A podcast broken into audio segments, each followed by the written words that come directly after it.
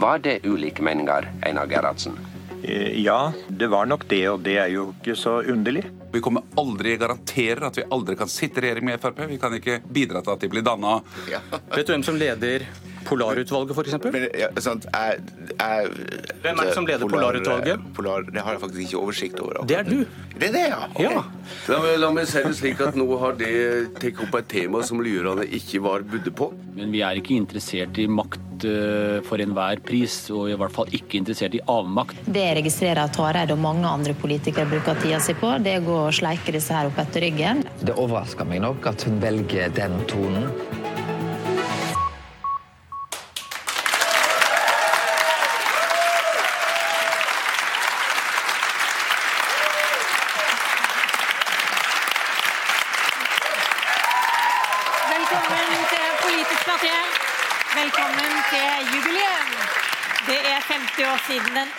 Første Politisk kvarter-sendingen gikk på lufta. Og Da vil vi ha kjærlighet og applaus, og derfor åpne dørene her på Ingensteds i Oslo sentrum. Og så har vi invitert gjester som er enda mer glad i kjærlighet og applaus enn oss. Noen skal snakke sammen, og noen skal snakke ut. Og noen skal snakke om hvordan vi snakker forbi hverandre.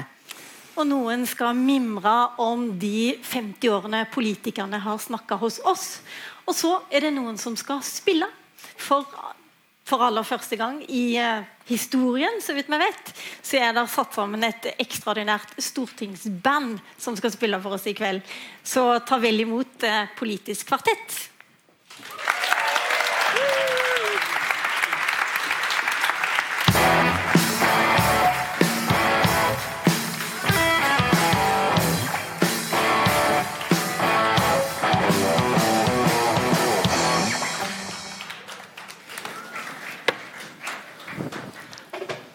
Er ikke dette norsk politikk på sitt vakreste, statsminister Erna Solberg, i et bredt musikalsk forlik?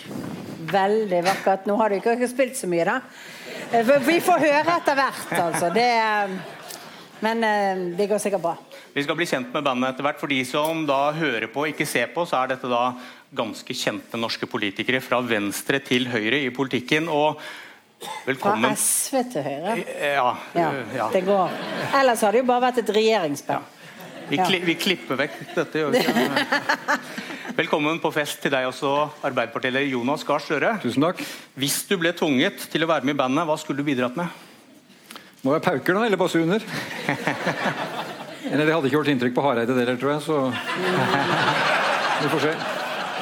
Vi, vi holder oss til politisk spill. Ja. Men denne, denne rørende tverrpolitiske harmonien, kan det fungere som en illustrasjon på at norske politikere er for enige, og at norsk politikk ikke betyr all verden? Og det vondeste spørsmålet trenger vi egentlig Politisk kvarter? Svarer dere nei, må jubileumsfesten gjøres om til gravøl, men det får stå sin prøve. Erna Solberg, hva betyr mest for økonomi og arbeidsplasser i Norge? Oljeprisen, eller om det er du eller Jonas Gahr Støre som er statsminister? På lang sikt at jeg er statsminister. Mener du det? På kort sikt så er det oljeprisen. Nei, altså, det, på lang sikt så er det investeringer i folk. Det er investeringer i kunnskap og kompetanse. Og der mener jo jeg at jeg er bedre enn Jonas. bare for å si det sånn. Hvordan Men- tolker du det at han nå spiste en drue mens du svarte? At han trengte litt druesukker akkurat nå. Han ble redd. Nei, Det koster meg ikke en drue å svare på det spørsmålet. Dette, Men, dette eh, klipper nei vekk. Men det, det er jo altså det er viktig å huske at den viktigste formuen Norge har, det er folk. Og det er kunnskapen og kompetansen. Og det er det seriøse biten med det. Eh, Så på kort sikt så er det alltid sånn at oljeprisen er for et land som Norge veldig utfordrende. Det er skapt 56 000 nye jobber det siste året, og så sier Høyre dette viser at regjeringens satsing på å skape flere jobber virker. Og når ledigheten går ned, sa dere i høst dette er strålende nyheter og viser at regjeringens politikk virker. Er ikke dette en konsekvens av at oljeprisen stiger, og at dere skylder på oljeprisen når ledigheten stiger? Det hadde vært riktig hvis eh, jobbene bare hadde kommet i oljesektoren eller i sektorene rundt oljesektoren, men det gjør de jo ikke. De kommer i veldig mange andre bransjer. Og Det skyldes at vi faktisk nå ser store investeringer i, i norsk næringsliv. Vi ser at uh, det er rammebetingelsene som vi har forbedret. Noen av de har vi gjort sammen. F.eks. reduksjonen i selskapsskatten inntil neste år har vi jo gjort sammen, som har en betydning for dette. Eh, og eh, mange av de tiltakene vi har gjort på innovasjon og nyskaping. Eh, så, så det er begge deler. Du, du, bidrar. du, du sitter og hevder at norsk politikk og dere norske politikere betyr mer enn oljeprisen for nettopp det jeg nevnte nå? Ja, altså at mange av de arbeidsplassene som kom til siste året, er kommet i sektorer utenom oljesektoren. Og Da er det altså andre politiske grep som er viktige for det. Men det er også sånn at det går litt bedre i oljesektoren, og da blir det litt mer aktivitet basert på det. Støre, hva betyr mest for norsk økonomi og arbeidsplasser? Oljeprisen og internasjonale konjunkturer, eller en norsk regjeringspolitikk? Jeg vil si eh, som Erna, at over tid eh, norsk eh, politikk. Og da vil jeg legge til, når det kommer med økonomien, renta og lønnsoppgjør, orden i økonomien. Over tid er det det viktigste. Eh, jeg var oppe i Nordland og besøkte industriparken i Mo i Rana i forrige uke, og da sa de der kompetanse og kraft. Det er det det handler om for dem, og for norsk industri. Og det over tid har veldig mye med norsk politikk å gjøre. Og norsk økonomi må jo klare de svingningene må jo klare at det går opp og ned. Vi er konjunkturavhengige, enten det handler om sild for flere hundre år siden eller olje i dag. De prisene svinger. Du angrep regjeringen 1. mai 2016, som mange kanskje husker. Da var det 135 000 ledige. Så synker ledigheten, og da sier dere at det er oljepris og internasjonale konjunkturer. Andre forklaringer enn regjeringspolitikk. Og hvorfor har de ansvaret når ledigheten er høy, men får ikke noe æren når den går ned? Ja, altså det at ledigheten gikk opp, skyldes jo at oljeprisen falt. Vi mener at regjeringen satte inn for uh, sparsomme tiltak for sent. Uh, for lite og for sent. Vi mente at de burde gått bredere ut, mer treffsikkert. Men ser, ser, du at du bytter logikk midt i der? At du, Nei, men... at du vil ikke skryte av Erna Solberg når ledigheten faktisk går. Da er det ikke oljeprisen plutselig. Nei, men jeg sier at En del av de tiltakene de gjennomførte, syns jeg var riktige. Vi mener de burde eh, dosert mer. De burde gjort noe med permitteringsregelverket før. Grep som hadde hindret at den ledigheten gikk opp. Men jeg, jeg er jo litt uenig med Erna Solberg i den beskrivelsen av økonomien nå. Jeg er urolig for den akkurat sånn som den er nå. Altså Vi har et handels... Uh, uh, underskudd for tradisjonell uh, norsk virksomhet utenom olje, gass og skip, som går ned. Vi har en eksport som ikke er så god som den burde være. Og vi har en produktivitetsvekst som regjeringen definerte som et stort problem i starten av perioden. Nå har vi knapt over null i produktivitetsvekst, mens vi pleier å ligge på 2-3. Så det, Den diskusjonen der om at vi må gjøre noe med disse grunnleggende tingene over tid, det mener jeg har liksom stilnet, litt borte.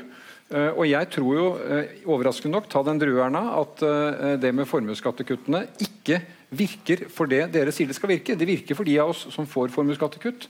Men det virker ikke i form av at det får uh, investeringene opp. Okay. Men, men, investeringene går faktisk opp nå. Dette kommer til å være et veldig godt og bredt år for investeringer i norsk næringsliv. Så statistikken viser noe annet, og det er veldig ofte det som skjer. Når, når Jonas griper fatt i et eller annet punkt, så viser det seg at statistikken viser noe annet over tid. Nå har vi vært igjennom det i forhold til sysselsettingsgraden, i forhold til ledigheten, vi er i forhold til investeringene. Det er faktisk en oppgang i disse. Og så er det viktig å huske at når, vi, når oljeprisen gikk ned, så traff den den delen av, av, økonomien. Resten av økonomien hadde fortsatt ganske god vekst. Og Det ser du jo f.eks. på de tallene som var i Innlandet og i Nord-Norge, hvor veksten fortsatte å øke, og, og, hvor sysselsettingen var høy i den perioden. Så er det viktig å liksom, Det er greit å ta oss på liksom, at retorikken av og til blir litt forskjellig, men, men eh, og at den eh, Dere kan være litt ja, mer rause, er vel poenget i disse vi, første spørsmålene? Vi kan også være rausere, men Ja. vi må, og kan også være fagligere. Og det er faktisk sånn at På et tidspunkt så gikk, eh, var det oljeprisen som bidro til at vi fikk høyere ledighet. Og så er jo jeg uenig i at Arbeiderpartiets medisin den gangen var så god. For 3 milliarder kroner mer til kommuneøkonomien, som permanent ansetter flere i kommuneøkonomien, ikke et svar på en sysselsettingsnedgang som er kortvarig, hvis fremtidsutfordringen vår er flere jobber i privat sektor. Og det er litt av utfordringen fremover. Det er flere jobber i privat sektor.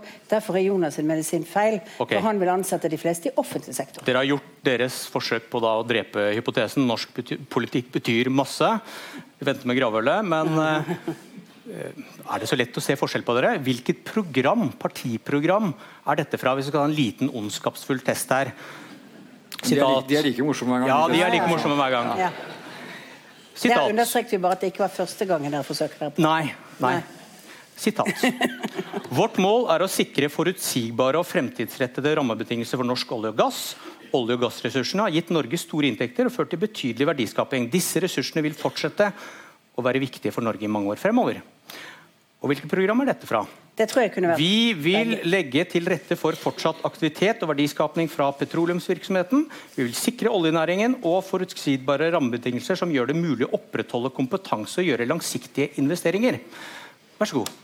Det, det er sannsynligvis fra begge partiene. Og det er jo Ja, men å huske. hvem, hvem er Høyre sin, og hvem er Arbeiderpartiet sin? men på det området har jo vi altså Mye av norsk oljepolitikk er jo skapt i fellesskapet mellom Høyre og Arbeiderpartiet. Det er jo ikke det området vi er forskjellige på. For det, det Men jeg kunne tatt vært... mange deler av deres politikk, sentrale ting. Hvor stor skal staten være? Skolepolitikken? Innvandringspolitikken? Ja, men du må kanskje se på hva vi gjør når vi sitter i regjering. så ser du Men dere må fullføre quizen. Hvem er Høyre sin formulering, og hvem er Arbeiderpartiet sin? Jeg tror den andre er Høyre sin. Det er feil. Å ja, Nei, jeg, tror, jeg tror den første. Du tror den første? Jonas Gahr Støre har rett. Ja. Ta meg en drue til. Men til det du prøvde å svare på? Det, det, Man skulle eh, kanskje tro at dere klarte å skille disse formuleringene som dere har filt på, men klarer velgerne det? Når det er dere, sant? Vi begynte med hvordan dere er litt lite rause og bytter retorikk når det passer dere. Programmene på store politikkområder er ganske like. Hvordan skal velgerne se forskjell? Altså, jeg vil eh, protestere mot denne problembeskrivelsen at dette er et problem. Jeg er glad jeg bor i et land hvor det er sånn. At på de nøkkelspørsmålene er sånn, så kan du eh, spille mellom oss og flere partier for øvrig. Jeg er glad at vi har et band av stortingsmotstandere. Da trenger vi ikke Politisk kvarter, Jo, da trenger vi politisk kvarter, for det er allikevel jo til de grader Dere piner jo livet av oss hver dag, eh, fem dager i uka. I velment, for jeg er mener det er et veldig bra program. Støre. Ja, men ikke med Politisk kvarter. Men poenget mitt er at det er nok av viktige spørsmål hvor vi skiller lag i fordeling. Eh, Når jeg går med 3 milliarder mer til kommunene, så er det ikke primært for å ansette folk der, det som mål, men det er et ulikt syn på fordeling, skape og dele balansen hvor vi setter Det er jo ikke veldig store forskjeller der. Nei, men altså, Det er jo en av Norges store muligheter, at forskjellene ikke er så store. Velg deg andre land hvor forskjellene er større. Hvor folk rives ifra hverandre, hvor tilliten eh, eh, males ned. Det er ikke de samfunnene som kommer til å være godt rustet for å møte de omstillingene vi står overfor. Vil Det Forskjellene er mange nok. Ja. Vil du ha et samfunn hvor politikerne sitter og skyter på hverandre med twittermeldinger istedenfor å samarbeide og lage kompromisser? I et fem millioner eh, land? Tror ikke det. Dere har Jeg tror svarene. faktisk at eh, Dere har svarene. Ja, men altså, vi, eh, jeg mener vi har uenighetspunkter nok i norsk politikk, og mange av de gir seg ikke utslag i dag-til-dag-politikken på enkeltsaker, sånn enkelt og greit, men den gir seg utslag i litt retningen på hvor det er. Og jeg mener at forskjellen hvis når, når, eh, når vi da sier at noe av det aller viktigste vi må jobbe med fremover, fordi vi kommer til å ha en særnorsk omstilling, fordi at olje- og gassnæringen, selv om vi har laget gode rammebetingelser og nesten høres smak ut, så kommer det til å bli mindre av den i fremtiden. Da er vi nødt til å jobbe med mer bedrifter, større verdiskaping i Norge i privat sektor. Da må vi ta konsekvensen av det i forhold til vår økonomiske politikk. Der ligger det et kjernebit. Den dreier seg om kunnskapssatsingen, den dreier seg om skattesystemene, den dreier seg om innovasjon og nyskaping. Ikke om bare å bruke offentlig sektor som sysselsettingssted. Det er lettere å sånn vifte at du må stoppe på radio. Her på TV så blir det veldig sånn Ja, Ja. men vi, tiden løper fra oss. Du, um, til dette med, Se litt på dette med politisk likhet og avstand, men se på lagene deres. da. Erna Solberg, føler du et tettere politisk slektskap med Støre enn med Sverigedemokratenes Jimmy Åkesson? Ja, det gjør jeg. Eh, Hva med Per-Willy Amundsen, din tidligere justisminister, som mener Åkesson er Sveriges redning?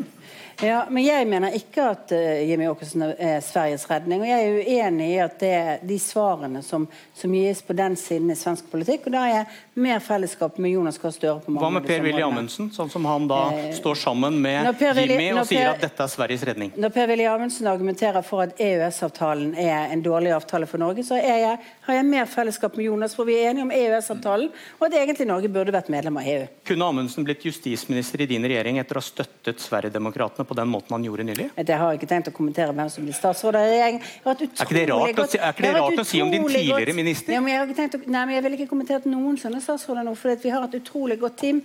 Og eh, akkurat nå så er det vel mer sånn spørsmål om de partiene som sitter må redusere litt på antallet vi har, og få inn noen flere. Ok, Og det er det. Ta, ta deg en drue, så skal jeg spørre Jonas Gahr Støre. Føler du et tettere politisk slektskap med Erna Solberg? enn med Bjørnar Moxnes? Eh, ja, det gjør jeg. Fordi at uh, det er ingen tvil om Ja, fordi at det er ingen tvil om at uh, det er demokratisk, parlamentarisk, fullt og helt sinnlag i Høyre som jeg kan bekjempe på den måten, og der mener jeg Rødt har et stykke igjen å gå. Men i, men, i- men, i, men i saker i Stortinget, saker i kommuner, så kan det være annerledes. Men hvis du snakker om slektskap, så tror jeg svaret er ja. Sier du da også at Rødt kan ikke være en del av ditt parlamentariske grunnlag hvis du skal styre Norge? Ikke nødvendigvis. Eh, Jeg har sagt at det er ikke aktuelt med regjeringssamarbeid med Rødt. Men da er vi tilbake til dette kunstige skillet mellom dere. for da Hvis du sier at du er nærmere Erna Solberg, så kunne, hun, kunne dere like gjerne inngått en storkoalisjon? da? Nei, men det, altså det, det øh, gjorde vel øh, man i Norge under krigen og rett etter krigen. og det, for det, finnes situasjoner i et lands historie hvor man kan oppheve tyngdelover og gjøre slikt. Men jeg tror det også er veldig klokt at det er to styringspartier som har helt klare skillelinjer i syn på styring, fordeling, øh, øh, mange forhold, men også ting som forener i utenriks- og sikkerhetspolitikken. Og jeg mener det er en stabilitet som de nordiske landene har hatt sammen til nå. og jeg må jo si at Hvis det, hvis det skulle ryke eksempel i Sverige, så tror jeg Sverige får større problemer enn de, enn, enn de har. Ok. um, vi er ved veis ende, tror jeg. Ett minutt får jeg der. Eh, vi har jo dette tverrpolitiske dansebandet på plass her. Danseband. Ja. Danseband, ja. Har, du, har du danset med Jonas før? nå? Nei, jeg har aldri danset med Jonas. Har du lyst? Ja, ja, ja. Hva er det? Byr du opp på hans vegne? Det er litt, det er litt sånn Det er Hva- litt, eh, det hva er litt hadde sånn vært- feige folk som Ja. Men det er plass der nede. Hva hadde vært vakrere enn en tverrpolitisk dans? Vi rydder i plass. Det er veldig mye. det er veldig mye. Takk for laget.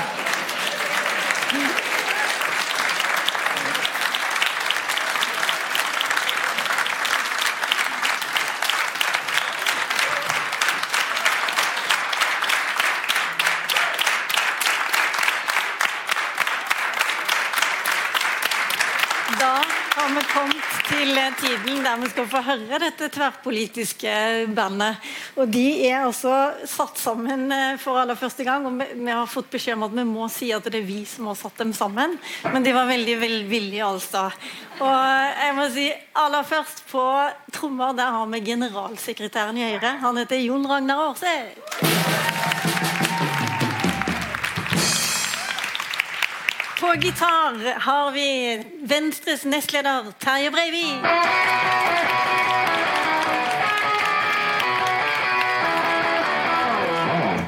SV stiller med stortingspolitiker eh, Petter Eide.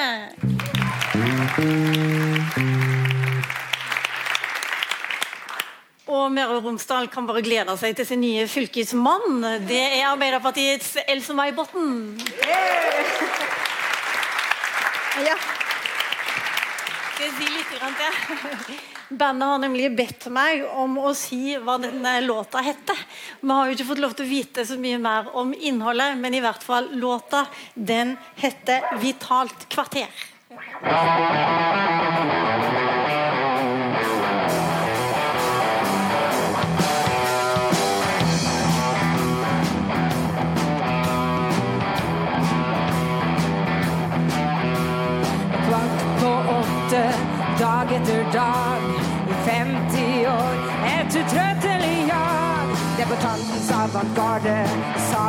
Aktuell, et kritisk blikk på styr og stell. Attraktivt for enhver debattant, politisk kvarter, en vital jubilant.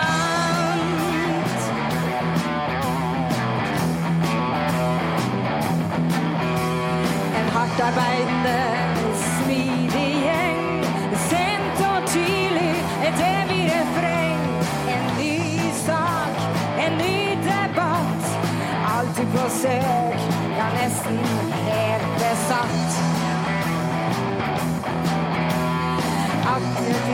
for enhver debattant.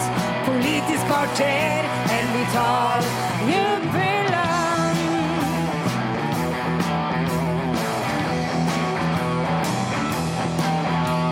Politikerne, de står i kø. De ofrer skjønnhet, søvn, kaffe og brød. Være på plass, for byen er våken. Loste folket ut av morgentåken. Attraktivt for enhver debattant. Politisk kvarter,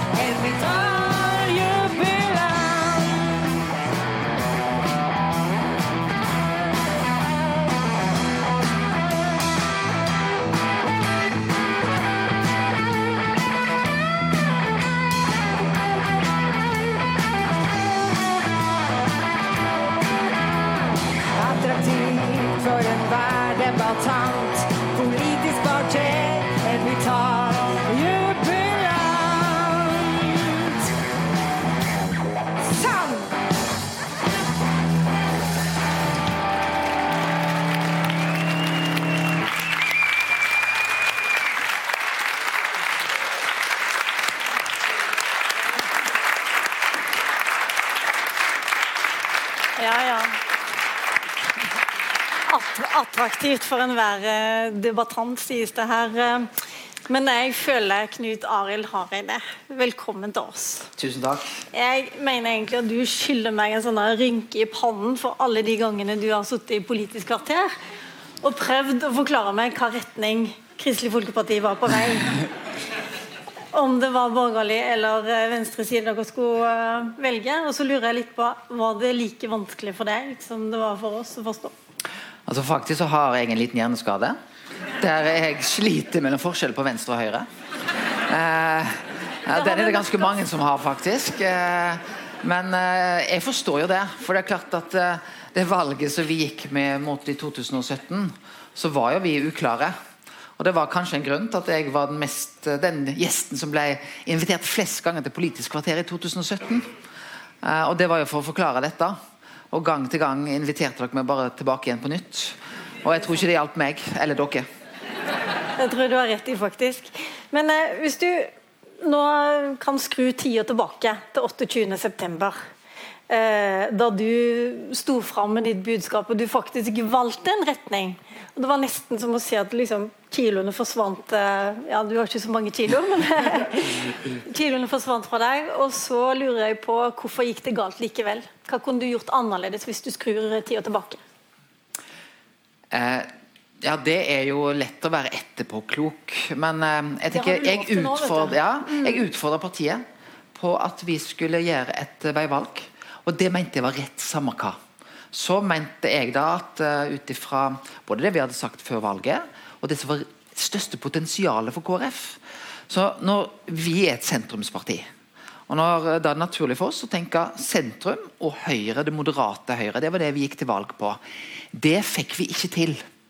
Da mener jeg at det har vært mer naturlig for KrF å valgt sentrum og det moderate venstre istedenfor sentrum høyre og, og ytterste høyre. Ja, dette vet vi. Ja. Så nå lurer vi på hvor var det du trådte feil, siden det gikk ikke sånn som du ville ha det. Ja, Da tror jeg kanskje at eh, partiet har gått litt for langt til høyre. Eh, Og det må jeg ta ansvar for under min ledelse av eh, partiet. Altså, vi vet at I 2001 så var KrF usikker på om vi ville ha en sentrum-høyre-regjering. Eh, Jeg tror prosessen den var åpen, ærlig og demokratisk. Helt sikkert ting også som kunne vært gjort bedre der. Men det er partiet som har fått tatt sitt valg. Og det er jeg egentlig klar til å respektere og jobbe for det som partiet nå lander. Men når du sier at partiet har gått til høyre, hva, hva kunne du ha gjort med det? Ja, Det er noe med at Det jeg, jeg, jeg, som tror, har jeg, måte jeg holdt eh, Erna Solberg-regjeringen i live. Ja, og vi har jo samarbeida godt med regjeringa til Erna. Og, og det veivalget som jeg òg pekte på, var aldri Høyre eller Erna Solberg utfordringen for meg. Men det var jo å gå for langt til høyresida. Men eh, hvis eh, valget er blitt sånn som det er blitt Jeg tror refleksjonen må for eksempel, Vi kunne kanskje hatt noen tydeligere spilleregler og de fem ukene vi holdt på. Men det må jeg ta ansvar for, og jeg landa ikke på min endelige konklusjon før like før 28.9. Og den prosessen som er blitt, den ble etter forholdene òg ganske god. Hadde du gjort noe annet i forhold til f.eks. Kjell Ingolf Ropstad, da han sa at nå vil han utfordre Høyre og Arbeiderpartiet på abortspørsmålet? Altså, vi snakket godt sammen i partiledelsen, og jeg eh, Mine to nestledere valgte jo en annen løsning. og det, Jeg tenkte som så Hvis jeg vant, så er jeg opptatt av at da skulle partiet reelt sett ha fulgt min linje. Eh, og de valgte annerledes. Jeg tror ikke at det var noe så mye mer jeg kunne gjort i den posisjonen da, egentlig. Eh, og det har vært en god demokratisk prosess hos oss. og det, Det var ingen sånn som brøt spillereglene. Alt var egentlig Jo, boka. altså, jeg, var, jeg var uenig i det å utfordre de andre partiene. Var det et brudd med spillereglene? Ja, vi sa jo at vi skulle eie denne prosessen sjøl. Vi skulle ta valget sjøl. Og vi skulle ikke starte noen regjeringsforhandlinger. Eh, Men det er jo ikke sånn at det er ulovlig eh, å gjøre det. Eh, Og det tjente kanskje deres sak. Men jeg ønsket at det var KrF som skulle eie prosessen, og jeg valgte å ikke gjøre det. Kona di, Lisa Marie, hun har blitt intervjua i Kvinneklær. Og da sier hun veldig klart at du passer ikke sammen med de damene. Følte du det sånn også? Eh, Nja, det, eh, det, Jeg har ikke tenkt på det på den måten. Fordi jeg synes, og det har jeg lyst til å si at jeg har snakket godt med både Erna, Siv eh, og Trine. Funnet gode politiske løsninger. Har, jeg syns jeg har vunnet mange slag òg, men kanskje tapt litt krigen de fem årene. Det er nok min analyse av det. Og jeg tenkte at skulle vi ha et potensial, og det valget jeg tok, tok jo jeg veldig fordi jeg mente det var best for KrF, best for landet. Og jeg tror òg det kunne blitt veldig bra med en regjering bestående av KrF, Senterpartiet og Arbeiderpartiet. Men, men det går ikke på personlige relasjoner. Ja, det var jo faktisk noe av det vanskelige oppi dette. At jeg tok et valg på tross av de gode relasjonene jeg hadde til de tre damene. Men Eh, nå, nå sitter Erna Solberg her og Jonas Gahr Støre her. Hvis du bare, og nå sitter de her, Der er ikke noe Frp og der er ikke noe SV og Rødt der heller. Hvis du skal velge mellom de og samarbeide i regjering, hvem vil du velge da? Altså, jeg, jeg valgte jo sentrum-høyre. Jeg hadde valgt uh, Erna i, i den dimensjonen. Men Erna hadde òg et følge med seg som gjorde at det alternativet ble aldri et troverdig alternativ i valgkampen i 2017. Ja, Men nå sier du at hvis du bare skulle velge mellom de to, så ville du valgt Erna Solberg. Ja, da ble jeg valgt Høyre og Erna. Hvordan kan du si det etter å ha skrevet en bok der du snakker om at eh, solidariteten ligger på venstresida, der du har skrevet, der du har eh, brukt hele din politiske karriere til å peke mot venstre? Ja, men det er ikke riktig. Jeg har pekt på at det, det sentrumsperspektivet jeg har i norsk politikk. Og Da er det veldig naturlig for meg at når jeg ikke får til et samarbeid med det moderate Høyre, da vil jeg prøve det moderate Venstre. Det er naturlig, istedenfor å gå til en ytterfløy. Og ja, jeg synes Det er jo mange felles verdier som ligger nettopp mellom KrF og Arbeiderpartiet. Men det finnes òg betydelige felles verdier mellom KrF og Høyre. Men det er ytterfløyene jeg mener avstanden blir for stor til. Jeg vet at Arbeiderpartifolk var ganske irriterte på deg i valgkampen 2017. De hadde forhåpninger om at du skulle vende, de, vende, seg, vende deg mer mot dem. Og så vet jeg at eh, Erna Solberg og Trine Skei Grande annet var ganske irritert og overraska da du tok ditt veivalg nå i, i høst. Trine Skei Grande snakka på Politisk kvarter i dag om eh, SMS-en hun fikk der du slo opp. Eh, du føler ikke at du begynner å bli en litt vel utro partner for alle sammen? Altså, Nå har jeg aldri vært god å slå opp med damer. Eh, Det har vi merket oss. eh, De har alltid slått opp med meg først, så jeg har aldri eh, fått noen veldig erfaring eh, på det. Men, men jeg har lyst til å si at Venstre tok jo et valg like etter valget i 2017, da de gikk inn i en regjering som jeg hadde lovt mine velgere. Jeg skulle ikke gå inn i den regjeringa. Det var kanskje den tydeligste lovnaden jeg hadde gitt velgerne før 2017-valget. Så det er klart at, eh, Men jeg forsto jo at det valget jeg tok 28.9, var vanskelig for Venstre. For det er klart at det ble satt i en ganske vanskelig situasjon. Og jeg tror eh, Venstre er glad for at den andre delen av eh, KrF vant. Men jeg måtte jo tenke på hva som var best for KrF. Hva som var best for landet. Og at jeg hadde lovt velgerne å ikke gå inn i en regjering med Frp i. For, så for meg var det valget ganske enkelt. Og så har jeg lyst til å si det at jeg, jeg ringte jo Trine, men hun tok ikke telefonen. Eh, og da sendte jeg en SMS. Ok. Du, jeg bare lurer på, Hvor er du i sorgprosessen nå? Fordi det, Nå er det jo sånn at eh, Du har eh, spunnet så mye rundt, og du har valgt deg så mange venner, og du valgte til slutt ei side som ikke ble valgt. Så jeg lurer på, Er du nå i den der sinnafasen? Er du i sorgfasen? Eller er det litt sånn letta-fasen i sorgprosessen? Eh, Ja, det vet jeg ikke. Altså, jeg føler jeg er litt sånn som en amerikansk president. Eh, Presidentvalget er i begynnelsen av november, og så er det et eh, skifte i midten av januar. Lame duck er vel det uttrykket de bruker der. Og Det er kanskje den posisjonen jeg har akkurat nå. for det en, Jeg håper jo at vi lykkes med det retningsvalget som landsmøtet vårt har pekt ut. Og jeg prøver å bidra til det. Men jeg er nok mest i den skuffa fasen. For jeg så potensialet i det jeg pekte ut, og jeg har aldri opplevd heller en større politisk entusiasme enn det jeg opplevde de første ukene etter min tale 28.9. Så du er fortsatt litt lei deg, egentlig? Ja. Ja. Eh, Du har solgt huset, bor i etasjen under din bror. Kona sier også til Kvinner og klær, som vi skal stole på, hun vil gjerne til Flekkfjord. Er dette slutten på Knut Arild Hareide som toppolitiker? Sannsynligvis så går jeg i hvert fall over i en eh, ny fase eh, med det valget som vi har gjort nå. Eh, så skal jeg være på Stortinget og ser fram til det er utrolig viktig. Det er et privilegium å sitte på Stortinget, men det blir en annen rolle for meg. Og så har jeg ikke tenkt å spå så mye om framtida. Du, du skal ha tre år i Stortinget først, og det er mange politiske kvarter før det. Knut Arild Hareide. Takk for at du kom nå. Tusen takk.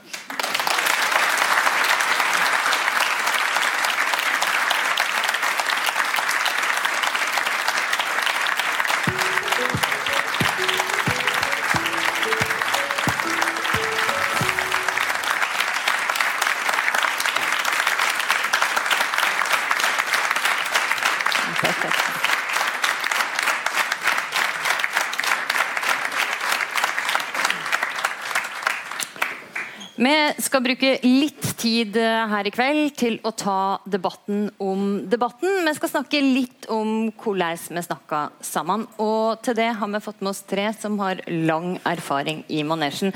Kari Elisabeth Kaski, finanspolitisk talsperson i SV. Du har vært med i Politisk kvarter 20 ganger. Se der. Sylvi Listhaug, nestleder i Frp. Du har eh, vært med i Politisk kvarter 45 ganger. Yes, så mange. Og Torbjørn Røe Isaksen, næringsminister. Du har eh, vært med i Politisk kvarter 74 ganger. Fortjener en applaus. Ja, nå, nå, nå tenker jeg, hva har jeg brukt livet mitt på? Og da lurer jeg på, ta det først da, Torbjørn. Er det krevende å være deltaker på Politisk kvarter når du har gjort det så mange ganger, eller går det på autopilot? Eh, Det er, det er veldig annerledes nå enn de første gangene. Jeg tror jeg var med de første gangene da jeg var leder i Unge Høyre. Eh, Det er mange år siden. Og da, da forberedte jeg meg veldig godt. Jeg var veldig opptatt av å finne gode spissformuleringer og sånn. Nå er det sånn at jeg prøver å, å forberede meg mellom å levere barna i barnehagen, eventuelt ha med dem til Politisk kvarter, eh, og så unngå at det blir for mye sånn kosedyr i ansiktet og sånn før jeg skal inn i studio. Så det er annerledes, men man må forberede seg. Selvfølgelig. Altså, Vi prøver jo eh, av og til i hvert fall å være en litt sånn skummel arena for politikere. Og, og at det skal få bryne argumenter, at det skal møte litt motstand. og Listhaug, er du noen gang nervøs før du går i Politisk kvarter? Nei, men Han skal være skjerpa, absolutt, og vite hva man skal holde på med der inne. Så det er jo veldig viktig å forberede seg godt. Så jeg går aldri dit uten at jeg er veldig godt forberedt. Hvor med det, Kari Elisabeth Kaski? Ja, eh, man må forberede seg. Og ofte så er det jo mer å forberede seg for å møte programlederen enn å møte motdebattanten. Um, og så er det selvfølgelig forskjell fra, fra de første gangene når jeg var ganske fersk som politiker og ikke hadde snakka om de ulike temaene så mange ganger før. Nå har du det jo litt mer under huden, men man må forberede seg for hver gang. Å være skjerpa. Det hjelper jo ikke at det er tidlig på morgenen heller. Altså, En 50-åring skal jo prøve å henge litt med i tida og være litt vital. Og vi har invitert dere hit også for å gi oss noen spark på leggen. Og noen tips om hvordan vi kan gjøre det bedre. Og uh, først til det, Kari Elisabeth. Det, tenker du at vi er forutsigbare? Ja og nei. Um, vi vet jo aldri helt hvor programlederen sparker, selvfølgelig, i studio. Uh, men uh, vi kan jo gå inn der og, og, likevel vite noen ganger hva det er du kommer til å bli kjørt på. Uh, og da er du jo forberedt på det. så er det kanskje forskjell i stil på programlederne. Noen har litt sånn silkemyk stil der du fort blir vikla inn og ikke helt kommer deg ut, mens andre kanskje kjører rarere på, og du skjønner at her er det bare å være ja, kjøre hardt på tilbake. Eh, men, eh, men satt fast kan du bli eh, åkke som, altså. Mm. Listhaug, syns du at Politisk kvarter er forutsigbar, eller er det ofte når du hører på sendinga at du Sette brødskive i halsen og bli kjempeoverraska over alt vi har å by på. Nei, jeg syns det blir litt sånn mye repetisjon. Litt de samme politikerne, en del det samme temaet. Så det blir litt sånn kjedelig, hvis jeg skal være helt ærlig. Og, eh, men jeg vil gi veldig ros til debatten nå med Fredrik Solvang. Jeg syns at det er vitalisert debatten. Ja, for, det, ja. Eh, ja, men jeg har lyst til å gjøre, For det første så syns han er veldig flink på å finne tema som folk er opptatt av. Og I tillegg til det så sparker han i alle retninger. Du vet at Når du møter opp der, så kommer du til å få kjørt deg uansett hvilket parti du tilhører. Og jeg mener det er sånn debatten skal være. Er det der vi har forbedringspotensialet, Røe Isaksen? Ja, jeg, er enig med det Kari Lisbeth sier, at det er jo forskjell på de forskjellige programlederne. Eh, også, og Det gjør at det blir ikke forutsigbart på den måten. Men det er jo litt med, vi kan jo være litt forutsigbare, vi også. Eh, jo, men det er jo litt sånn, ikke sant? Det, det, er jo veldig ofte, særlig når det er valgkamp, at man sitter kanskje etter å ha diskutert med den samme personen syv ganger, og så vet man akkurat hva du selv kommer til å si, hva motparten kommer til å si, og så er det ingen som lytter. Jeg tror, jeg tror lytterne merker det også. Altså jeg, tror, jeg tror de som hører på, eh, de er opptatt av en god spissformulering, selvfølgelig, men jeg tror de merker seg politikere som faktisk hører på hva motparten har å si, og prøver å i hvert fall svare på det med et motargument. Og Det er jo litt sånn tilsvarende eh, noen programledere i Politisk kvarter, som for øvrig er blant mine favoritter. men jeg skal ikke nevne navn, men uh, han var på scenen her i stad. Uh, Jeg har noen ganger inntrykk av at man har bestemt seg for at her skal politikeren grilles. Så selv om svaret på spørsmål nummer to var ganske bra, så skal du fortsette med det du har i manuset ditt. For dette skal grilles. Du, altså Når Dagsnytt-jingeren klokka åtte går, og døra til studio blir lukket igjen, og du er misfornøyd, Kari Elisabeth Kaski, hva har skjedd da? Nei, hva har skjedd da? Da gjelder det i hvert fall å være sinnssykt blid i etterkant. Skritt nummer én. Det er jo ikke alltid alle kan jeg avsløre. Nei, eh, det som gjerne har skjedd da, er jo at du har uh, kanskje møtt denne programlederen som, som, var oppe her i sted, og så har du liksom eh, forsøkt å, å, å, gi svar, men du bare skjønner at sånn, jeg burde bare, ja, uh, jeg klarte ikke å komme ut av det. Og så er det jo liksom også noen ganger sånn at vi går jo, eller som ofte så går vi jo inn i studio og tenker her har jeg lyst til å få frem saken min. Målet er jo ikke først og fremst å ikke svare på spørsmålene, men det er kanskje litt andre innganger, litt andre premisser uh, som, som, blir lagt. og Det, det er programlederen sin absolutte um, ja, det, det, har man lov til som programleder, men det kan jo gjøre at vi ikke alltid får frem akkurat de poengene som, som vi også helt legitimt tenker er viktige. da. Um, men, men, det er nok oftere at du er ordentlig misfornøyd når du har kjørt deg fast i sporet med programlederen enn med motdebattanten, tror jeg. Mm. Hva gjør at du blir frustrert, eh, Listhaug? Nei, altså det, det å, Man føler jo av og til at man Nei, dette fikk jeg ikke helt til. Men det som har vært litt rart noen ganger, er at av og til har jeg gått ut og vært fornøyd, og så har jeg sett debatten etterpå og så blitt misfornøyd. Og motsatt. At jeg følte at nei, dette gikk skikkelig dårlig. Og så ser jeg på det etterpå og så jøss, dette var noe egentlig bedre enn jeg tenkte. Sånn at det, det, er ikke alltid den følelsen du sitter med etterpå stemmer. Og da gjelder det jo også å ha folk rundt da, som kan gi deg ærlige tilbakemeldinger. For det aller viktigste for meg, i hvert fall i sånne typer debatter, det er å lære av de feilene man gjør. Eh, og rett og slett bli bedre av å studere og se på hvordan man, eh, man gjør det. Mm. Du, Torbjørn Røe i 2008 så skrev du en artikkel i Samtiden eh, som du kalla 'Kommentariatets diktatur'. Der slo du fast at den politiske journalistikken er sjuk. Den er overflatisk, den lir av skandalerytteri og et kommentatorvelde. Kunne du sagt det samme i dag? Jeg hadde veldig stort oppmerksomhetsbehov på den tida. jeg skrev den for øvrig sammen med Audun Lysbakken. Um, nei, altså jeg tror Jeg ville vil nok ikke vært like krass i dag, faktisk. Og det er, det er litt pussig, for at deler av den politiske debatten har åpenbart blitt mye hardere. Mye tøffere. Eh, samtidig så, så, tror jeg nok den politiske journalistikken, selv om den har blitt tappet for ressurser altså Det er ikke noen tvil om det. Mediehusene i Norge sliter og blør. Kanskje ikke så mye NRK som andre, men like fullt så, så tror jeg politiske journalistikken også har den har i hvert fall ikke blitt verre de siste 10-15 årene. Og En av de tingene som vi kritiserte i 2008, det var at NRK hadde lagt opp sånne valgkampprogrammer som var Tanken var at folk syns politikk er så kjedelig, så vi må dunke på med masse annet enn politikk. Eh, og Det gjorde jo bare at alle som syns politikk var litt interessant, som jo er ganske mange når det er valgkamp, syns at dette var i hvert fall kjedelig. Liksom, den gangen så var det sånn det var, Hvis du vil ha Tande P, så kan du se på Tande P. Du trenger ikke ha det oppi den politiske debatten din. Men, men, har den politiske journalistikken blitt mer seriøs? Har den blitt mer ordentlig? Altså Skandaleprega, kommentatorvelde, alle disse tinga kunne du egentlig sagt. Jo, altså du, du, kunne sagt, du, kunne sagt, mye av det samme i dag, men, uh, men jeg, tror, jeg, tror, nok at uh, særlig på en del sånn alvorlige saker, så tror jeg pressen lærte mye av f.eks. Tore Tønne-saken og den type ting.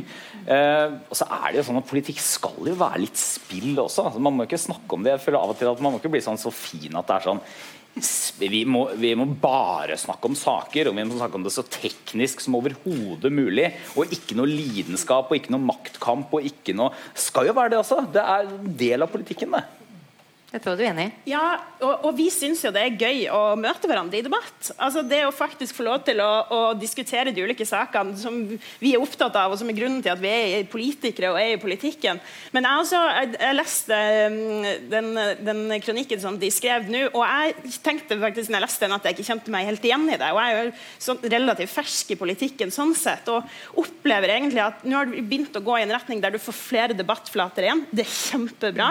Vi er veldig privilegerte som får komme i de debattstudiene der du har liksom godt forberedte debatt, eh, programledere som kan sakene, du merker de har forberedt seg, og som tilrettelegger for, for, at vi kan ha de debattene, av og til med eksperter inn også, som, som faktisk bidrar til, til, gode debatter. Så er det jo klart, Noen ganger så er det for korte debatter, men det, det merker man jo. Vi, og det tror jeg altså du ser nå når flere partier tar i bruk podkaster og flere egne flater. Det er nok også et, sånn, et uttrykk for at vi også ønsker i større grad å kunne snakke i lengre setninger og, og trekke noen større resonnementer. Det skal man ikke se bort ifra heller at det er, er, litt viktig for den videre politiske samtalen og debattklimaet i Norge. Da.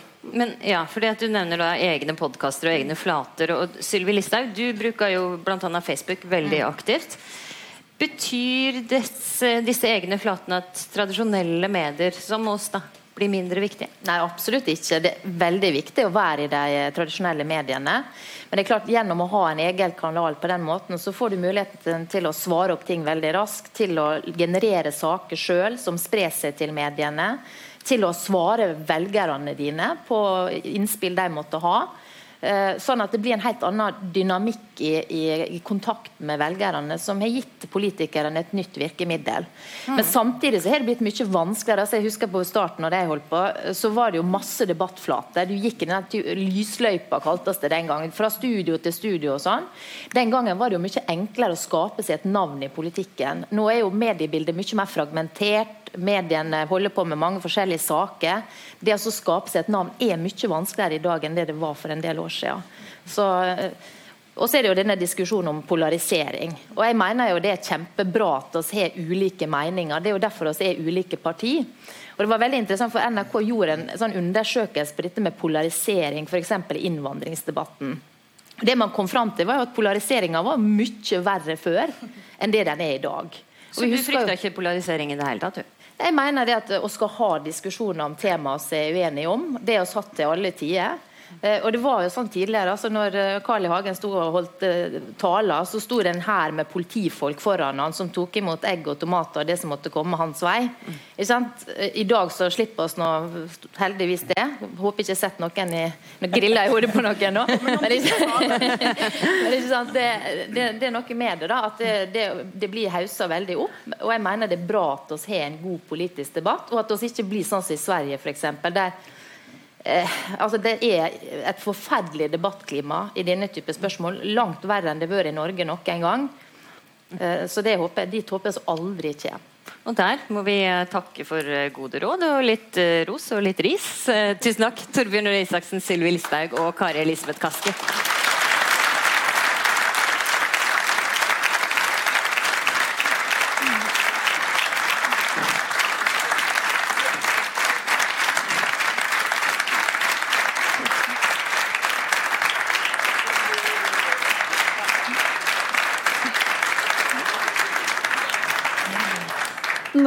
Jeg ønske at vi kunne si at nå skal vi tilbake til den aller første utgaven av Politisk kvarter, men det skal ikke vi, for den fins ikke i arkivet. Men den aller første som fins i arkivet, den er fra ganske nøyaktig 50 år siden. Og overraskende nok, det var bøker de snakka om da også. Det var Finn Gustavsen som hadde kommet ut med en bok om sitt parti, eh, SF. Og i studio der satt eh, statsminister Einar Gerhardsen, og han ble spurt ut av NRKs Herbjørn Sørebø. Vi skal høre på en liten bit. Eh, Jeg har ved et par anledninger, og det er da i ettertid, eh, et uttrykk for at jeg eh, i grunnen angrer litt på at jeg ikke engasjerte meg noe sterkere for å hindre at eh, vi skulle få den utviklingen som vi fikk her. Men kunne det i det hele ha vært råd å hindre at Sosialistisk Folkeparti ble skipa? Jeg har for mitt vedkommende eh, hele tiden ment at det sannsynligvis ville komme et slikt parti under alle omstendigheter. Nå, eh, etter Finn Gustavsens bok, er jeg temmelig sikker på det. Ja, det var tilbake i eh, 1968. Håvard Narum, du var med i Politisk kvarter du, fra november eh, 1975. Og sendetida, det var liksom primetime radio klokken 18.15 på en lørdag kveld. Litt overraskende for oss når vi fant ut det arkivet, faktisk. Det var i enkanalradioens tid, ikke sant? og folk hadde jo ikke så mange valgmuligheter. Jeg tror ikke det var noen dårlig sendetid. Tankegangen var jo litt med at man skulle oppsummere den politiske uka som hadde gått. Og Familiene var jo gjerne samlet. De minste hadde hørt på Barnetimen, kanskje. og Da kom det litt for de eldre. Så jeg tror det var en tankegang bak dette. En god miks. Ja, Og det var sikkert ikke noe problem at folk forsov seg heller på den tida. Det var det ikke. Nei. Og det, det er klart at Da vi gjenopptok Politisk kvarter så, og fikk sendetid om morgenen, så eh, var det nok det en overraskelse for mange. Men det skjedde jo ting eh, i, i, i, i den tida også. Du var inne på at folk forså Det gjorde de ikke. Men folk kom av og til for sent. Ikke så ofte. Men det var én episode, og det var under Nordisk råd i 1978. Da hadde kollega Per Vassbotn og jeg eh, invitert eh, Olof Palme og Kåre Willoch til debatt. Det var vel de to skarpeste debattanter på den henholdsvis sosialdemokratiske og konservative siden i Norden på den tida. Og de var begge i opposisjon. Eh, Palme hadde tapt et valg, og Willoch hadde ikke vunnet noe valg ennå. Så de var liksom ganske frie til å, å, å uttale seg. Vi hadde avtalt at de skulle komme i stortingsstudio eh, klokken 14.30 på lørdag ettermiddag. altså noen timer før sending. Willoch kom som punktlig som han alltid er, litt i god tid. Palme dukket ikke opp. Dette var jo litt pinlig for oss også, og vi måtte da eh, sette ny tid eh, for Willoch en time etterpå. I mellomtiden hadde vi nå klart å bringe på det rene hvor Palme var. Han satt på Engebrett restaurant og spiste lunsj. Så dukket han da opp, og eh, på den tida så var det sånn at eh, teknikken satt på Marienlyst. Vi hadde ikke en egen tekniker i, i studio i, i, Stortinget, og vi måtte jo ha stemmeprøve rundt eh, dette runde bordet vi hadde. Den tror jeg jeg husker ganske i, eh, autentisk. Den begynte da sånn med at Per Vassbotn på sitt klingende nynorsk spurte hvordan kan det ha seg Olof Palme, at du sitter her nå, du skulle vært her for en time siden. Jeg har supet konjakk med borgerlige norske journalister. Og så var jeg litt frekk for en gangs skyld, og så sa jeg at du ville kunne kanskje tenke deg også å ta en konjakk med sosialdemokratiske svenske journalister hvis anledningen bød seg. Jeg drikker ikke konjakk i det hele tatt på denne tiden av døgnet. Det var godt å høre. Moderasjon som alltid med Kåre Willoch. Ja, det er bra. Men vi skal være ærlige og si det at eh, Politisk kvarter har vært både død og begrava. Du var vel med på det? Ja, eh, Av en eller annen merkelig grunn så fant NRKs ledelse ut på tidlig på 80-tallet, 83 tror jeg det var, eh, at det, programmet skulle eh, legges ned. Eh, Det likte vi dårlig, vi som jobbet med dette programmet. for Vi syntes det hadde sin berettigelse i samfunnsdebatten. Så vi fant ut at vi måtte markere dette skikkelig. Ole Kristen Harborg, som da var leder for politisk redaksjon, han tok seg en tur opp i kostymelageret i NRK, eh, skaffet seg en prestekjole, eh, kom ned igjen med den, og hadde også, eh, sørget da også for en blomsterkvast. Og vi hadde en seremoni der. og Politisk kvarters far, altså Herbjørn Sørebø, var klokker, og Ole Kristen forrettet. Og la da ned eh, denne blomsterkvasten på det siste lydbåndet eh, av Politisk kvarter. Eh, I 1983 var vel det, da. Så vi inviterte da eh, gjester til denne markeringen. Så på mirakuløst vis så var det en gjenoppstandelse i 1995 som du var med på. Da var du sjef for politisk i Ja, da hadde NRK. NRK da fått en annen ledelse som tenkte litt annerledes. da antagelig, og Vi fikk da anledning til å sette dette ut i livet på nytt. Og da var ambisjonene ganske høye, må jeg si, for da skulle vi ha én sending eh, hver dag fra mandag til fredag på morgenen. Vi var da fem medarbeidere i politisk redaksjon eh, på den tida. Jeg sa til eh, ledelsen i NRK at dette er en glimrende idé, men jeg må ha tre nye medarbeidere hvis jeg skal forsvare dette. Og Vi var da fem menn i denne politiske redaksjonen, og vi fikk ansatt tre kvinner ja, i de tre nye stillingene som vi fikk. Så Det fikk vi også da eh, bidratt til å øke likestillingen i NRKs politiske dekning, og det var jo på tide. Og en av de kvinnene etter hvert i andre runde, det var meg sjøl. Som satt og jobba på stortingsstudio en dag. Vi satt tre damer der, og en av nestorene kom innom og så seg rundt, og så sa han Å, er det ingen her? og så gikk han. Bjørn Bø, du var også med eh, tidlig. Og det var jo sånn at eh, Du var med i 1995, og da var det hvert sånn at folk begynte å forsove seg om morgenen. Ja, det hendte. Det gjorde det.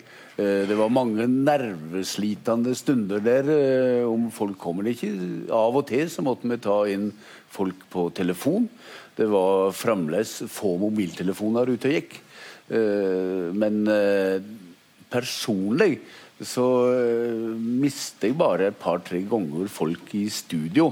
Eh, Men jeg minnes en gang. Det var en statsråd, som det var litt seinere, da, som eh, sendte meg en tekstmelding ti minutter etter at sendingen var slutt. Og eh, der sto det Au, jeg hadde telefonen på lydløs.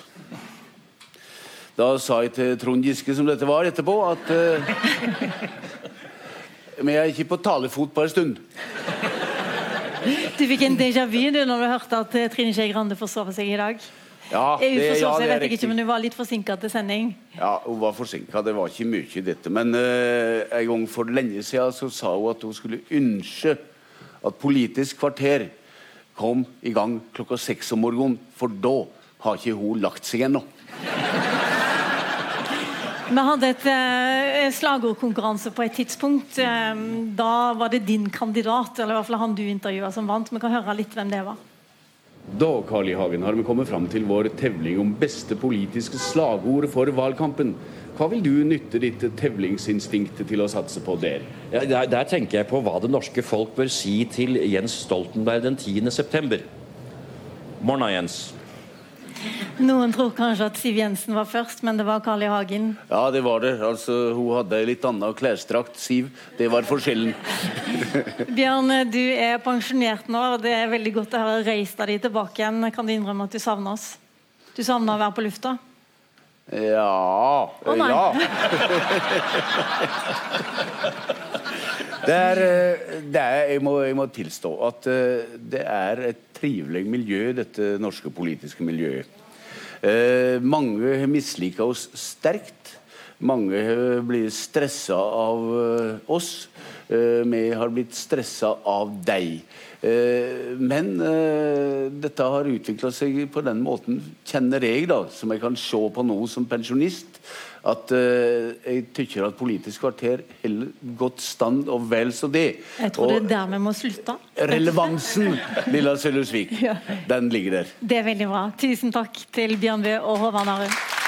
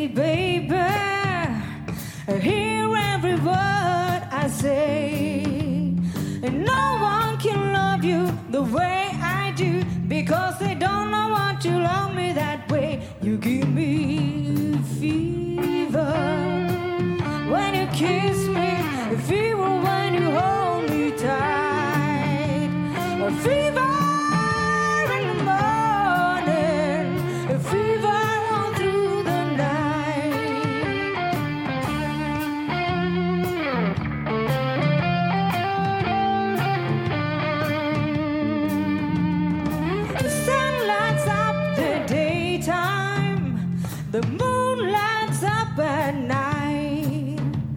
My eyes light up when you call my name because I don't know what to treat me right now. Because a fever when you kiss me,